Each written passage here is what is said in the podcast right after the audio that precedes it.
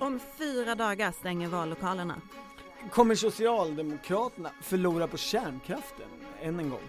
Och har valfebern stigit oss alla åt huvudet? Eller är det lite för svalt?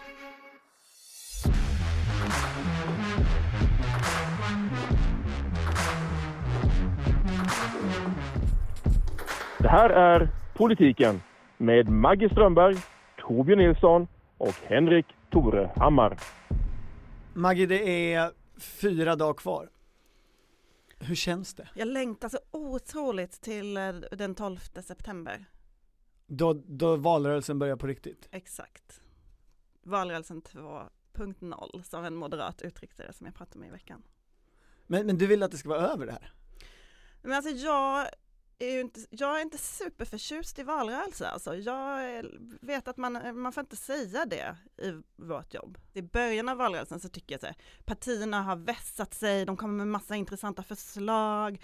Eh, jag bara, alla är så smarta, jag kan rösta på vem som helst av er, jag gillar er. Och sen ju längre tiden går, och nu är det fyra dagar kvar till valet, så igår smsade jag typ en kollega och bara, jag måste rösta blankt, de är alla idioter.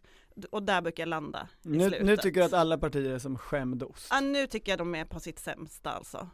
Eh, en, en sak som verkligen har hänt, tycker du att det är sämst också då undrar jag?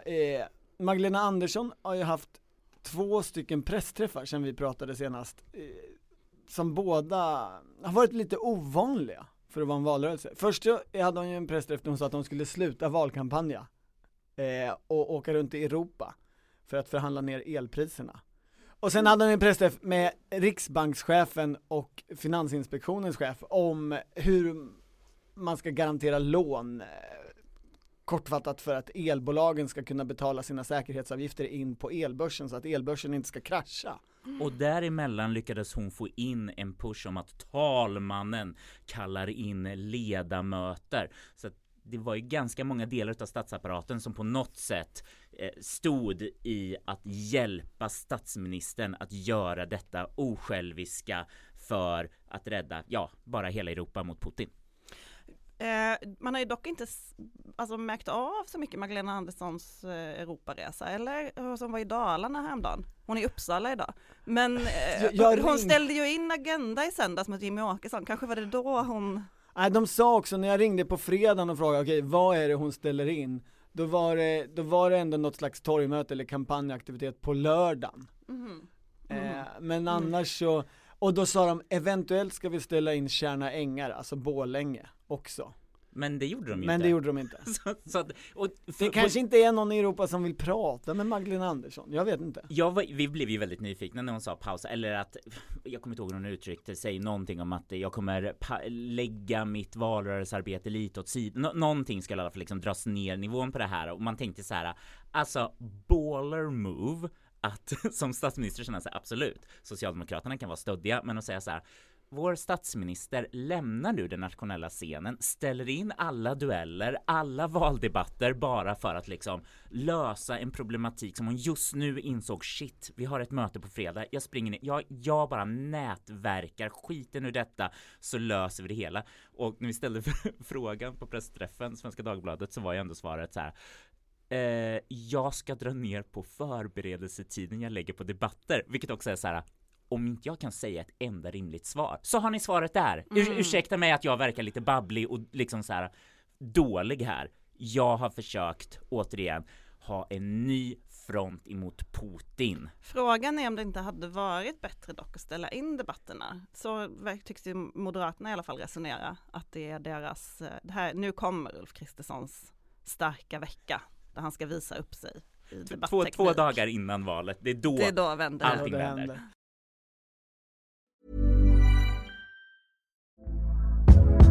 Hey there, it's Michelle Norris. I'm host of a podcast called Your Mama's Kitchen. When I travel, I'm usually looking for a way to find a taste of home when I'm not at home. And one of the things I love to do when I am at home is entertain. And Airbnb allows me to do that. When I was in California recently, I rented a house that had a great kitchen. And when we were sitting around the table, we we're all thinking, we're in someone else's house. Someone could be in all of our homes as well.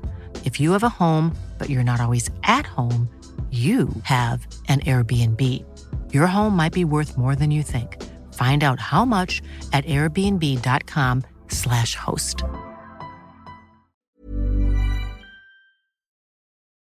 Det känns ju som att eh, sista veckan handlar allt om elen. Nu är vi i el. Först var det brott och straffvalet. Sen var det Annie Lööf byter sida-valet. Sen var det SD är större än Moderaterna-valet. Och nu är det elprisvalet. Mm. Mm. Och det går ju uselt för Socialdemokraterna i den frågan. Så det är väl själva anledningen till att de här pressträffarna hålls och att vi sitter här och pratar om det. Hur, hur dåligt kommer det egentligen gå för Socialdemokraterna i ett val som präglas av den frågan så pass mycket Ja men det är ju intressant, jag pratade pratat lite med partiledningspersoner om detta och det är ju uppenbart att de själva gör analysen att de har missat den här frågan. Att de var eh, sena på bollen, eh, har liksom haft ett mycket kort, alltså har tänkt så här, men kärnkraft kan ju inte lösa något på kort sikt och inte fattat.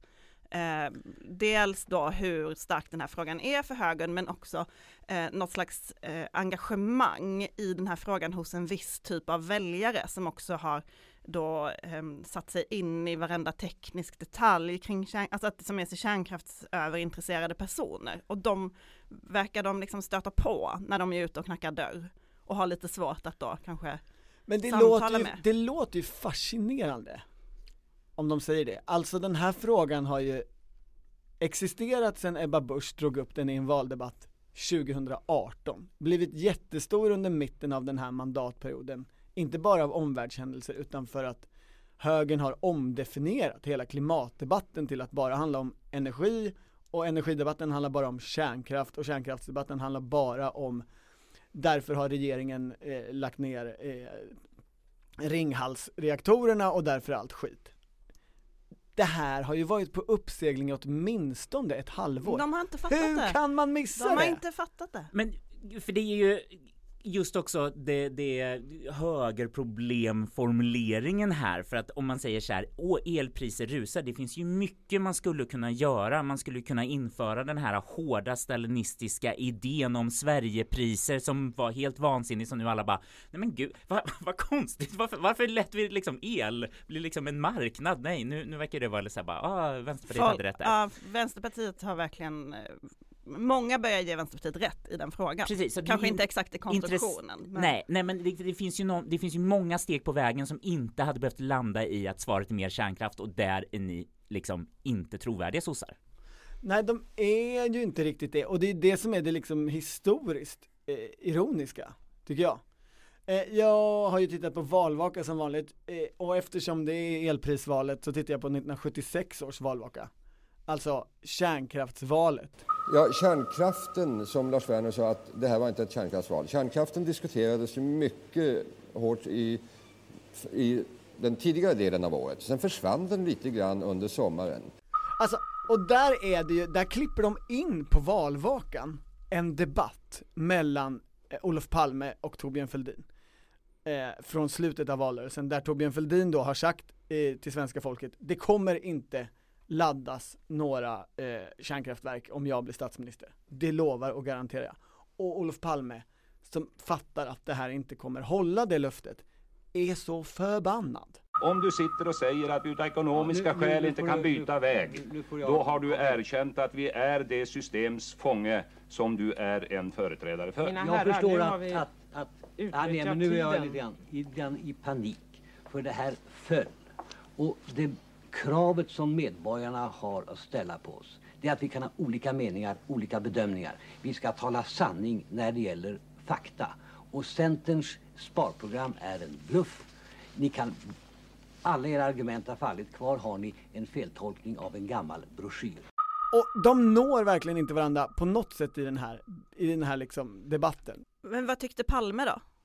Alltså Palme här, 1976, är som Socialdemokraterna är 1976. Det är de som har tagit kärnkraften till Sverige. Jag menar, Palme är fostrad av Tage Erlander. Tage Erlanders, ett av hans första beslut var att tillsätta atomkraftutredningen. Eller om den hette atomutredningen, 1946. Kärnkraft är ju liksom det modernistiska, det, det är fjädern i det modernistiska folkhemmet som de skapar. Människan kan göra nästan vad som helst vi kan skapa hur mycket billig kraft som helst på det här sättet, det är ju fantastiskt. Teknik. Star Trek-optimismen. Ja, exakt. Och Men så vad händer kommer, då? eh, Ja, så kommer den här civilisationskritiska galningen Torbjörn Fälldin från landet och börjar säga det här är farligt, det blir avfall. Eh, och socialdemokratin hamnar på helt fel sida. Alltså, folk ändrar sig och de fattar inte det. De håller fast vid att kärnkraft är bra, folk tycker det är hemskt. Sista veckan där 76 så säger 4% i SIFO att vi kan tänka oss att byta parti bara för kärnkraften. Eh, och de förlorar nu. Och sen så efter många turer så blir det den här folkomröstningen 1980 och Socialdemokraterna binder sig på något vis vid att så här, vi ska avveckla det här. Och nu är de ju lika fel som de var 1976. Nu har de inte hängt med på att det har svängt eh, folk i någon slags majoritet, eh, eller tillräckligt många, vill ha kärnkraft. Men de framstår som att de eh, inte vill ha det. Och så måste de göra det här snabba bytet inom valkompass på SVT, jag vet inte var de ska ta vägen. Ja, men- Förutom att de alltid hamnar fel med kärnkraft. Hamnar, handlar liksom också alla debatterna om detta. När det, när det är klimat så handlar det om detta, när det är ekonomi så handlar det om detta. Och de får inte prata välfärd, de får inte prata liksom, skatter. Nej, och därför har jag börjat tänka att eh, kärnkraften är ju den riktiga akilleshälen för Socialdemokraterna. De har aldrig någonsin i historien, förutom på liksom 60-talet, hamnat rätt i den frågan. Kan man säga att kärnkraften är radioaktiv? Alltså Ja, det kan man men- väl säga. Nej men Ebba Busch vill ju starta Barsebäck igen, ehm, sa hon ju på pressträff förra veckan. Och eh, Men det är MUF som Det- sjunger om det. det många... Och det är konsten eh, som vinner oftast. Ja men jag Vadå, tänk, har MUF sjungit om Barsebäck? ja, men i sin valsång så sjunger de om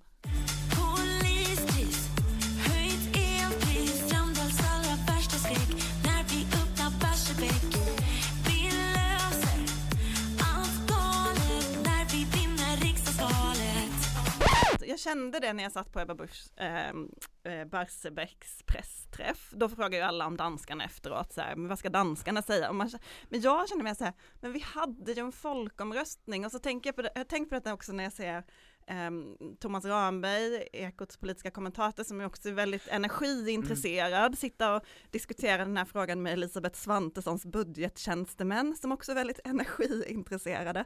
Och, och Thomas är lite äldre än dem och då har jag tänkt att liksom, det, den generationen som tyckte så här, den här frågan var ju avklarad. Eller liksom Per Gahrton som startade Miljöpartiet och sen så fick de lägga ner reaktorer och de vann ju. Och så, så nu är den tillbaka igen och så är det alla de här unga människorna som inte ens minns valet 76. Och, Eller folkomröstningen. Nej men det är något som är svindlande i politiken, att det kommer tillbaka på det där sättet. Att Något väldigt vackert. strider som man trodde var avklarade. Folk kommer liksom dö och kärnkraften kommer fortfarande finnas kvar. Och jag tyckte det var väldigt intressant i din text om den här liksom socialdemokratiska rädslan. Det är väldigt svårt att ha, när man inte var med om Harrisburg till exempel, Ja. att liksom man kanske förstod någonstans att det kändes så här, nej men shit, världen håller på att explodera. Eh, nu på grund av detta. Vi måste liksom, det är på en helt annan plan än att vi ska elvärma villor på ett enkelt sätt eller gött med industri. Eh, och det här blir ju, jag tänkte på nästan eh, samma sak som att så här, ibland anklagas så här, vänstern för att så här, det bästa för omfördelning, det är ju ett rejält världskrig med depression. Då tar med tusan, då blir det bra Gini efter det.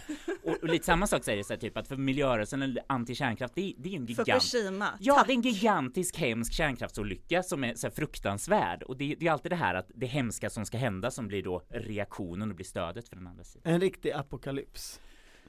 Det är många som drömmer om undergången nu så Ja, håll tummarna, eh, håll tummarna Per Gahrton. Men har, har de några möjligheter att, att vända det här Socialdemokraterna sista veckan? Eller alltså, att, kan de gynnas? Kan ni se något där de gynnas av den här energidebatten?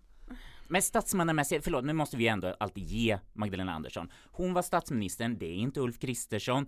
Eh, hon kan, liksom har en annan arena. Eh, det var ju ingen som kritiserade med eh, kreditgaranti. Det var kanske så här liksom att Ingves var så här, alltså det är ingen, ingen ko fara på isen, nattisen, vad det där Vet uttrycket. med, nu får du ta det långsammare, jag fattar inte. Det där andra hon gjorde på lördagen, när Ja, de ja. lovade När pengar. Stefan Ingves var med. Precis, Mm. Stefan Ingves och Thedéen, Mm. då var ju de mer såhär nej det är inte så att vi har en 90-talskris i Nej, antågande utan men det här är ju en bra grej för att lugna ner med lite olika marknaden. tonläge på myndighetscheferna. Och, men återigen, en bra liksom kompetent sak att göra som experter tyckte så här, det var tumme upp på detta. Eh, så det får man väl ändå ge Socialdemokraterna rakt av att eh, kompetenta krislöserskan, ett plus till henne. ja, mm, ja, de försöker ju se. vända det till det, men när jag pratade med folk om detta i veckan så var min bild att de själva tycker att det de gynnas av är att Moderaterna så tydligt har sagt nej till energiöverenskommelsen och att, eller Att de käbblar. när, när de, De har blivit här, käbbelpartiet. vi vill ha nya energisamtal så säger Moderaterna nej till det Mm. och att det kommer skapa badwill i näringslivet och hos de som tycker att det är jätteviktigt att S och M gör upp om de här Ja. frågorna och det kanske kan gynna, vet, det låter lite som ett halmstrå tycker jag, men men så verkar de tänka själva, att, det då, att Moderaterna har skött den biten Men dåligt. för köper vi grundanalysen att någonstans det finns jättemycket oro i den här liksom villamagen om att eh, det är liksom jag, jag Ja, men det, det får man nog, den läggas. får man nog köpa, och man får ju också köpa om man tittar på opinionsmätningar, de är ju svårtolkade så här års, höll jag på att säga. Men tittar man på sammanvägningar så har ju Socialdemokraterna en vikande trend. Det går ju neråt. Det, det, det har, liksom slutspurten ser inte bra ut för Men Socialdemokraterna. det handlar väl inte bara om kärnkraften, det måste väl finnas andra problem här? När man alltid tittar på den danska inspirationen så är problematiken att Sverige och Danmark har så annorlunda demografi.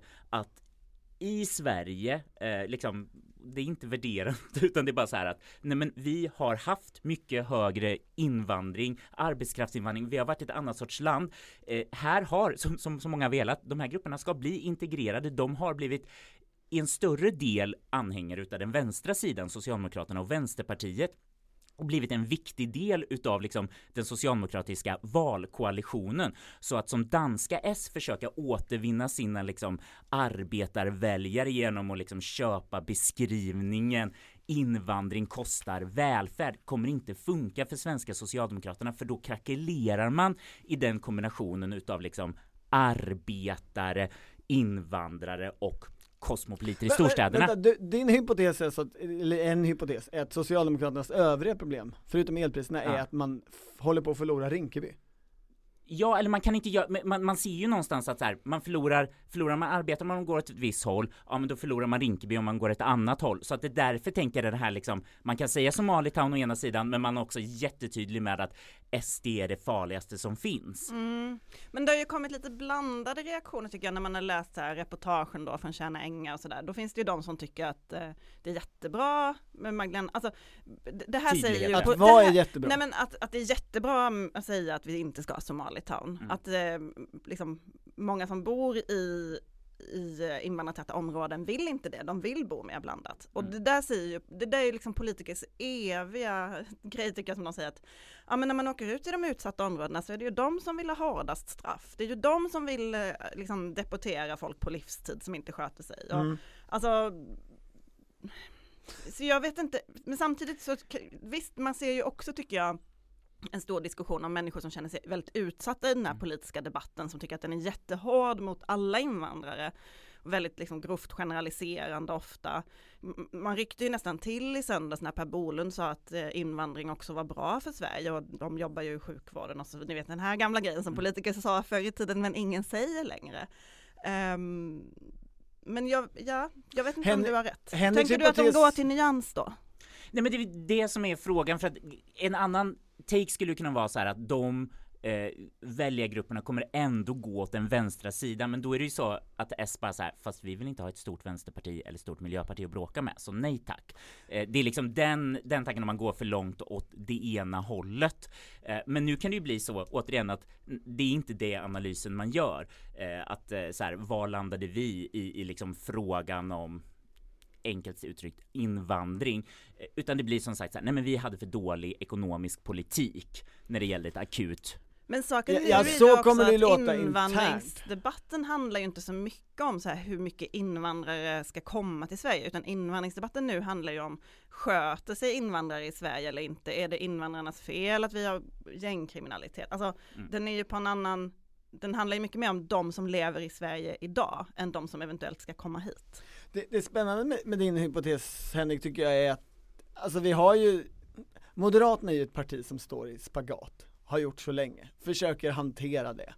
Eh, säger liberalkonservatism går absolut ihop, Mm. eh, även i denna tid när, när liksom det konservativa är, är ultraradikalt konservativt nationalistiskt och det liberala eh, blir liksom Annie Lööf. De försöker hantera sin, sin spagat. Det du beskriver är ju potentiellt en uppkommande spagat för Socialdemokraterna som kanske händer just nu i den här valrörelsen där man gör Danmarks inspirerade eh, utspel och, och liksom drar ena benet längre och längre åt det där. Alltså, jag Men läste, samtidigt kulturkrigar på andra sidan för kosmopoliterna i storstäderna. Så Ja, ja, men skapar spänning där. Alltså det är någonting, jag, jag fick eh, tidningen Heimdals lilla, lilla eh, tidskrift. Eh, den, jag kommer inte ihåg vad den heter nu.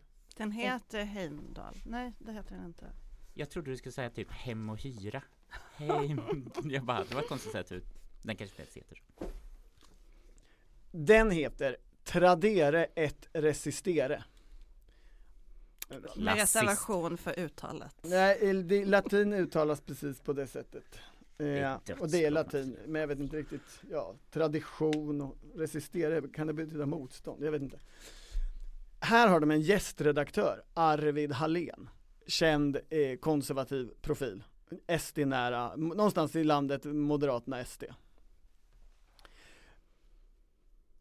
Det han skriver i, i sin lilla ledartext är det är val, valet kan inte, kanske verkar oviktigt, men det är jätteviktigt. Man måste gå och rösta.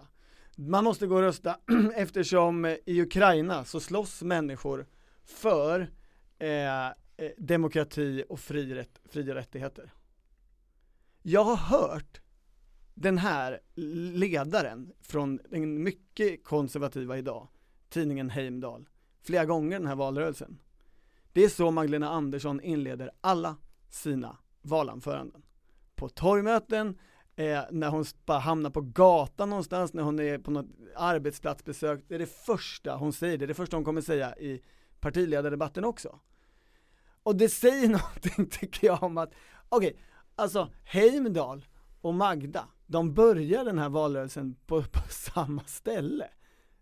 Men ja, alltså vad säger det egentligen? inte det en sån generisk sak som vi alla kan säga? Att det är hemskt med krig i Ukraina. Ja men det är viktigt att gå och rösta. Ja, Okej, Alltså, ganska mycket, men, men det vad är det du anser dig ha bevisat här?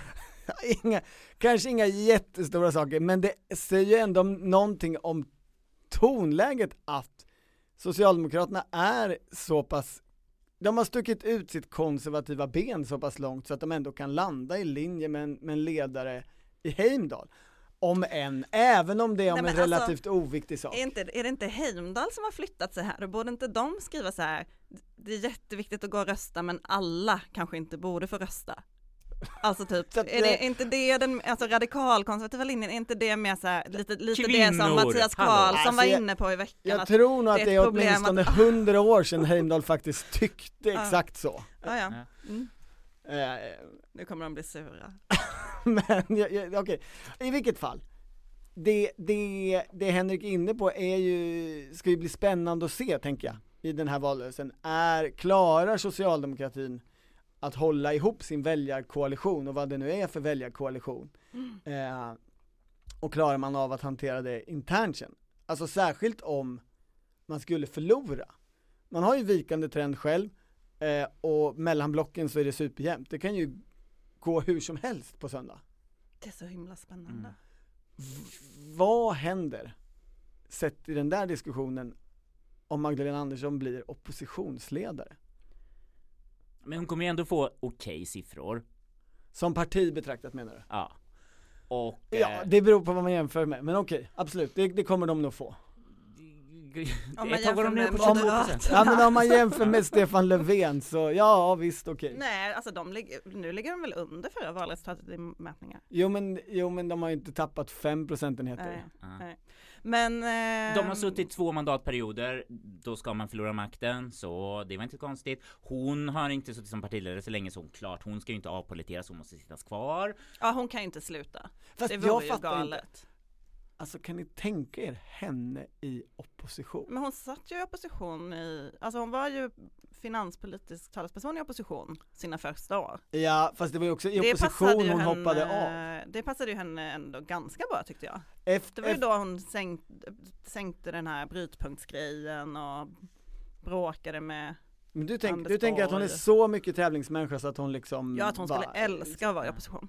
Men det som, det, jag har pratat mycket med moderater i veckan och de har ju en alldeles eh, eh, det är så kul att prata med dem ibland för de har ju en sån bild av Socialdemokraterna. Alltså de, de har ju sådana här inre, inre föreställningar om liksom Socialdemokraters eh, eh, maktskicklighet och eh, De drömmer, de drömmer mardrömmar på nätterna. Ja men liksom oavsett hur det går så är de på något sätt rädda för Socialdemokraterna. Och nu har jag hört resonemanget då, eh, om nu högern vinner valet, SD hamnar utanför regeringen, Mm. alltså som, som Moderaterna tänker sig eh, är är ett stödparti.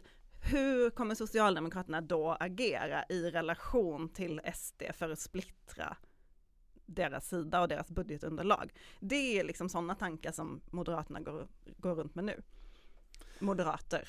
Just det, men Ulf. då är det, Magdalena som kommer bara så här, men nu måste Alltså vi de är så här, a-kassa. de är väldigt, de verkar väldigt nyfikna på hur Socialdemokraterna kommer agera i opposition. de är, de för är, att förstöra för dem. ja det kommer de ju göra. Eh, och det kommer de väl finna någon slags njutning i. Eh, men, men ja, jag kan inte komma från det faktum att Magdalena Andersson lämnade politiken i opposition. Alltså nu Där under du på det, Mona Sahlin-åren. men då satt hon väl inte i riksdagen? Nej, men hon, sa, alltså hon var ju nära partiledningen och liksom Det var ju i det skedet som hon sa för sig själv på något sätt, jag var inte där eh, när hon bestämde sig. Nu får det vara nog, jag, jag, så här kan jag inte hålla på med politik, politik är inte roligt. Hon lämnade jag, ju politik med intentionen att aldrig mer syssla med politik. Det var i alla fall så hon beskrev det då, det, det har jag frågat, det frågade jag henne om under de åren när hon inte var i politiken Så, så det där med opposition, jag tänker ju att hon är ju liksom uppvuxen i regeringskansliet Beroende av regeringskansliet Jag tror hon kommer tycka det är hemskt i opposition Men tänk vilket offer hon då gör. Alla vet om hur, hur jobbigt det är för Magdalena att inte ha makten. Utan makt Magdalena, ledsen Magdalena, hur många så här Du, och du tänker plötsligt att, att alla väljare, konkurrerande politiker börjar sympatisera med Magdalena Ja. Andersson och, och eh, böjer lite på huvudet och undrar Och bara- Hur mår du nu? Nej, men Ja, man det är synd om dig, jag tror inte Man det. kan ju se henne gå runt där i kammarfoajén och muttra att Ulf Kristersson är en svag ledare och mycket svagt Och få utbrott och bli förbannad och Ja, jag tror att hon kommer ha jättekul. Okej, okej.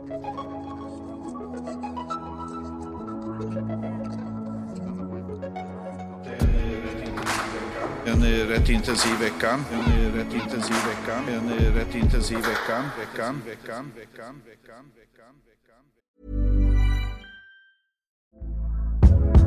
Hey there, it's Michelle Norris. I'm host of a podcast called Your Mama's Kitchen. When I travel, I'm usually looking for a way to find a taste of home when I'm not at home. And one of the things I love to do when I am at home is entertain. And Airbnb allows me to do that. When I was in California recently, I rented a house that had a great kitchen. And when we were sitting around the table, we're all thinking, we're in someone else's house. Someone could be in all of our homes as well. If you have a home, but you're not always at home, you have an Airbnb. Your home might be worth more than you think. Find out how much at airbnb.com/slash host.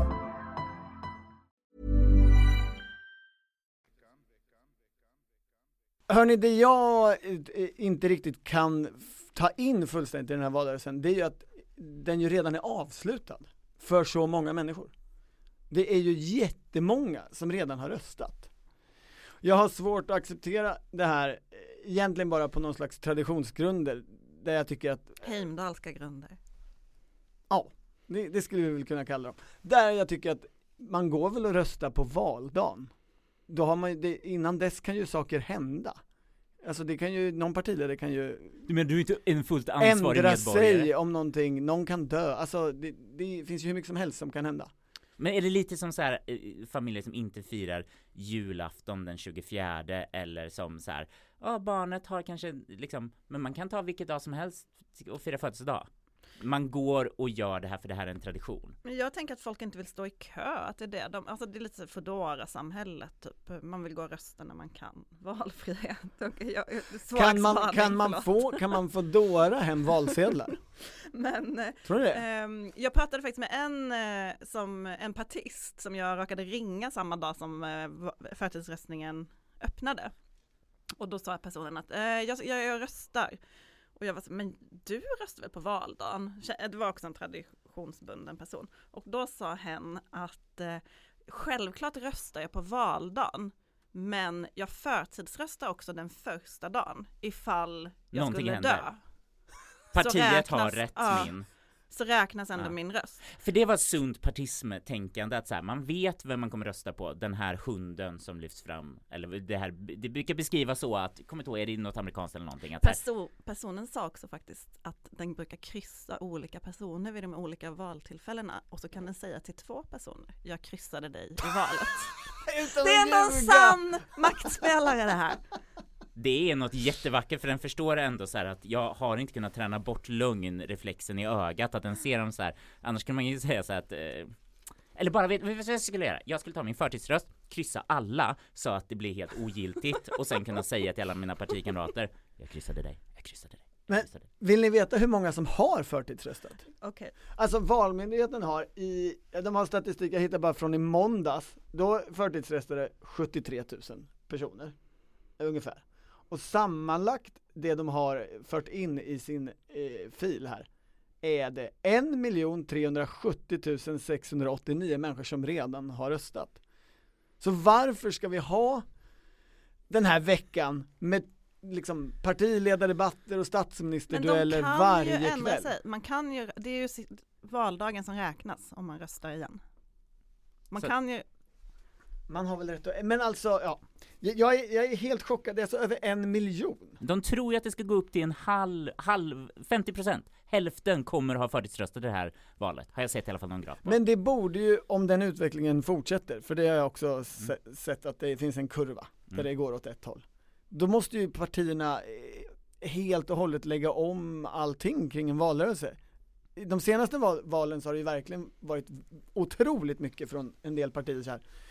De hundra sista timmarna, de 200 sista timmarna, alltså Martin Borgs på Moderaterna har ju en sån här nedräknings digitalt eh, urverk med sekunder som tickar neråt Som en sån här liten gymnasist, stänger. nu blir vi utslängd. Det är ju helt poänglöst om det, om det, bara, om det bara trillar in hälften av rösterna nu redan. De kan ju strunta i slutdebatten. Om det är jämnt, varje röst räknas. Eh, Ja, du tänker så. du verkar upprörd över detta. Jag tycker ju att det är ju lite av en matchförstörare. Mm. Är det inte det? Mm. Det- men att folk har övertygelse sen att- innan och vet varför man kan vi går- inte bara göra det? Det är som att man går på fotboll och så får någon rött kort efter två minuter. Hur kul är den matchen sen? Alltså, det, det, det, är väl andra som får spela, eller är de bara såhär, nu får vi bryta. Det fanns en stjärna och vi tänker inte ljuga om det här. Alla får tillbaka sina pengar för att när det här är huvudpersonen inte längre är med. det är sällan man hör ordet valfeber som positivt laddat. Men, men någonstans så avtar ju intensiteten och valfebern då om folk redan har gått och röstat för två veckor sedan. Det, det blir ju ingen, eh, ingen spurt. Men Eller- de slipper ju den där, det, kan, det kanske är sådana som jag som tycker att politikerna blir så dumma i slutet av valrörelsen så att de bara, jag röstar innan de har kommit till det stadiet. Så, Jag skulle vilja rösta se dem. mellan, mitt i mandatperioden skulle jag vilja rösta. Tänk om det är just, nu är jag dum mot väljare här, men att de där sista väljarna som ska upp och motiveras, de bara jag vill ha kött och bananer och bajs kastat på mig. Min apa, gå fram och kasta på den andra apan. Man känner så åh vad, vad kul att alla ska med. Men du går ju, du tycker att det inte är någon valfeber i den här valrörelsen? Att, det, att den är lågintensiv?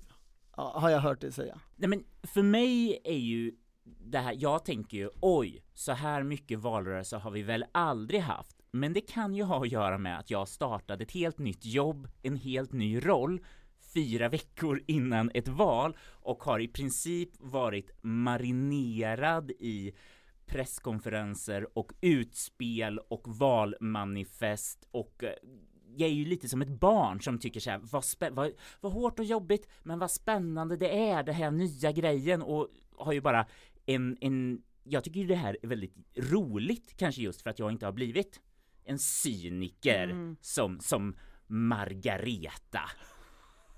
Cyniska Maggan. Jag har fortfarande mina blåa, glittrande, naiva dumögon och tittar på det här, vad roligt allting ska bli. Och sen så hör jag med andra runt i, i, i landet att så här, men var är valrörelsen? Var, var är valstugorna? Var är valaffischerna? Ja Var- men valstugor har jag sett, eller sådana här tält är det ju nu för Och tiden. affischer är det ju överallt. Inte runt om i landet. Vi hörde det här att, ett exempel, någon eh, var ute i hemkommunen och bara, så, men vart är valaffischerna? Och bara, så, "Ja, men de tog ner dem förra valet så att vi har inte riktigt orkat sätta upp några i år. Man bara, oj, det här är lite tråkigt. Och sen finns ju också det här exemplet som jag kommer ihåg från min egen hemstad, att valstugorna Kristinehamn. Gud vad fint att du kunde ha landat något helt annanstans. Men di- din geografiska kunskap om östra Värmland växer och blir starkare. Var en det dag. rätt? Ja, Ah, du kommer kunna bli Mari- en sista är landshövding. Mariehamn, det blev fel. Absolut, men jag... Ah. Skå, skånsk adel, vi ska inte ifrågasätta dem, vi ska bara låta dem dominera oss på det här sättet. Eh, där är det ju så att eh, alla partier har ju tagit över sådana tomma butikslokaler på gågatan. Så att liksom poängen av att ha en egen valstuga nu behöver man ju inte riktigt ha längre för att Vadå, de har sådana här eh, amerikanska eh, lösningar, alltså att man har en, en lokal. Som, som sossarna försökte med i Stockholm, alltså centralt, 2010 när Mona Sahlin var partiledare. Då, det var väl Martin Gelin och Ja. Karin Pettersson som, som ledde det, det, där det skulle vara liksom the American way, de hade ett sånt, eh, man fick, eh, ja en, en sån shop liksom, man fick gå in och snacka med partiföreträdare, få, få valsedlar och grejer och fick en kaffe och Det så. gick ju inte jättebra i det Det gick valet. uruselt. Fast det här Eh, kan du göra under hela men, mandatperioden men vadå, nu. i Kristinehamn är det, är det det man gör istället för valstugor? Jag vet inte 100% om det inte finns valstugor där, men jag vet att det här fenomenet det existerar. Och sen vill jag också lägga till det här med valfilmer. Eftersom jag är en sån som inte längre tittar på den kommersiella TVn så har jag, känns det som jag har missat alla valfilmer. Det som brukade vara en grej som man ändå såg och som kändes lite konstigt. Så här? Politisk propaganda här bredvid Gevalia? Vad konstigt. Men nu får inte jag den här chocken över och det är det här jag undrar som gör att jag liksom, jag kanske bara fantasmar och minns att det borde varit mer valstugor, mer valaffischer, torgmöten. Kommer ni ihåg Men torgmötena? det är torgmöten De överallt. ställde in dem, de ställde in dem för att ta selfies istället, läste en rad i en artikel. Tänker 100% säga att det är den nya sanningen och också säkerhetshoten. Det är den nya grejen med Eh, selfies. Får jag fråga en, Ja. en liten fråga Henrik? 12 i minuten var det Magdalena Andersson kunde ta. Internet. V- Vem, Känner- vem räknade ut det här the average? Torbjörn i en text. Ja det har jag gjort. Du måste börja läsa dig. De, de gjorde alltså Du verkar vara jätteintressant. gjorde Vi borde alltså ta en en- prenumeration på en viss tidning. fem sekunder per selfie. O- Otroligt tempo. Hon, Men- inte, hon, hon löser statsmannamässiga saker och hon kan klicka. Jag har en invändning mot Ja. ditt resonemang. Förutom att det också bara är 17 frågor. Det är inga så här typ varför händer det här på riktigt? Har du ringt någon? Nej, absolut. Internet. Ja. Du känner till det? Att det finns? Ah, TikTok menar du? Jag tänker valrörelsen som den du efterfrågar, den här febriga stämningen, det man, att det liksom, var man än går så studsar det mot en i huvudet. Att det är på internet nu för tiden. Och när du säger det här så är det som att jag säger så här, typ, tänk om livet vore lite roligare och de bara så här, här, du ska få ta en skål med kräks och svälja den. Varsågod Twitter! Man bara nej, det var inte det jag ville ha, jag Nej, ville det bara ha är inte det du vill ha. Nej, alltså, Nej, det, är ju- men- det, Twitter är ju, det Twitter är ju- vansinnigt. Ja, men har du sett Instagram då? Till exempel igår så hade Ulf Kristersson, sociala mediepersoner, klippt ihop alla hundar han har träffat under valrörelsen. Fick man se när han klappade dem. Ja, förlåt, nu, gud jag har glömt bort att Ulf Kristersson är deras presidentkandidat. Jag bara säger Winston, vad Winston har nosat i för hundrumpor och sånt. Jag tänkte så här, Ja, absolut, sen, Winston så, med. och sen var jag bara, tänkte jag helt så här, varför går Ulf Kristersson och nosar hundar? Men det var ju inte så, det var ju inte det. Det var ju deras, Ja, du menar att det, det klappar- finns glädje klappar man kan göra sånt? Eh, Magdalena Andersson TikTok-dansar med SSU-are.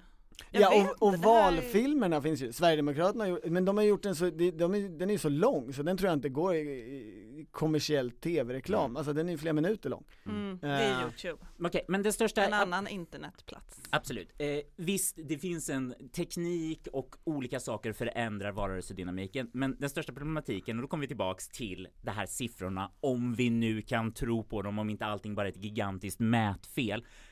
Vi ligger väl jättenära valresultatet från 2018, så frågan är varför gör, vad, vad hände med de här senaste fyra åren? Om det kommer sluta i att så här, inget parti förändrar sig mer än någon procentenhet så blir man lite bara What was it all for? Alltså procentenheterna kan ju spela roll, men du menar vi får, det, det slutar i, i samma situation? 174 175. Om det gör det, vad gör vi då? Säg, är det då vi säger så här, vet du vad demokratin, du fick en chans, du får bara en chans och du gav samma resultat som förra gången. Men, nej men det kan inte, förra gången blev det ju 134-133 Ah. och SD står utanför. Du det försöker- är ett an, en annan spelplan nu, det har ändå hänt lite sedan förra valet.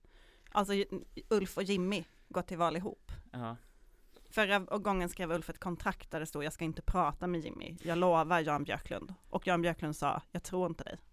Jag alltså halvpitchat den här texten så här. Jag har så många frågor! Och, och sen så var eh, chef Erik bara så här, jag, jag vet inte om du har några svar. Och just det här hade jag tänkt att landa så här typ. Tänk om det bara blir en repeat. Och nu kände jag också att du hade det självklara svaret på varför det inte är en sån stark avslutning. Mm. För att saker och ting har förändrat sig. 2018. Ändå eh, långsamt, ibland förändras det saker långsamt så att man inte märker det. Jag känner att en metafor kommer vara det, det är is, det är is skulle jag ser ett dumt litet urtidsdjur. Okej, jag, jag har en text att skriva. Vänta, vä- vänta jag går. Jag tänker ju fortfarande att det blir dött lopp. Och att det, det inte blir klart på söndag. Och, Och onsdag slutresultat, nej, för vi kommer förvänta till ostnad efter det. Och sen så kommer det bli någonstans i Örebro för de liksom räkna om. Ja, och en rimlig det här säger väl människor i alla partier nu, men det är ju som att de själva är i, i stadiet inte 200 timmar kvar, sista kampanjen, alla måste ut.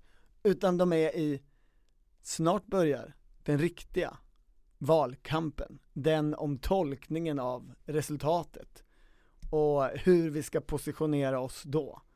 För lärdomen av förra, eller ja, förra, den mandatperiod som håller på att timma för timma avslutas nu. Livet går sakta ändå- ur dess ögon. Exakt. Är ju ändå att det blir inte som de har sagt i valrörelsen och det är svårt för dem att, att göra som de har tänkt. Nå- det, kan finns hända ett mycket antal saker. motstridiga saker, till exempel Johan Persson säger att de inte tänker gå med på migrationsuppgörelsen som de andra tre partierna gjorde hösten 21 och för Sverigedemokraterna är det det enda som spelar någon roll. De kommer aldrig släppa igenom något utan det. Och Nooshi Dadgostar säger att hon tänker trycka rött till Magdalena Andersson som statsminister flera gånger. Det, det har kanske inte hon Nej, själv sagt, inte riktigt hon men det det säger ju vänsterpartisterna. Ja. Det är ju det de, de säger i bakgrundssamtal. Här ska det tryckas rött om vi inte får vara med i regeringen. Och Centerpartisterna säger, ni ska se hur det känns att trycka rött flera gånger. Vi har gjort det, inte en underbar upplevelse.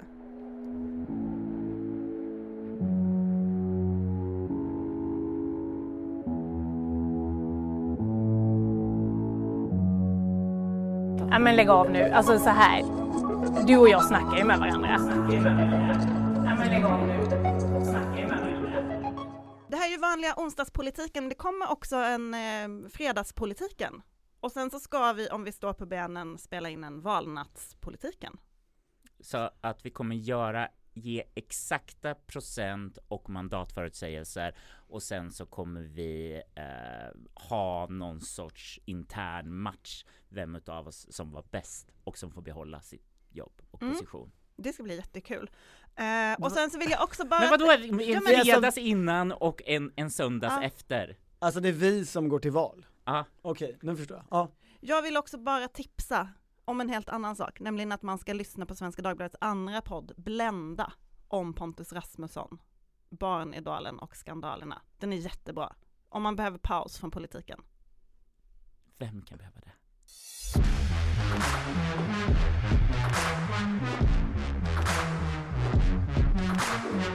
Du har lyssnat på Politiken, en podd från Svenska Dagbladet.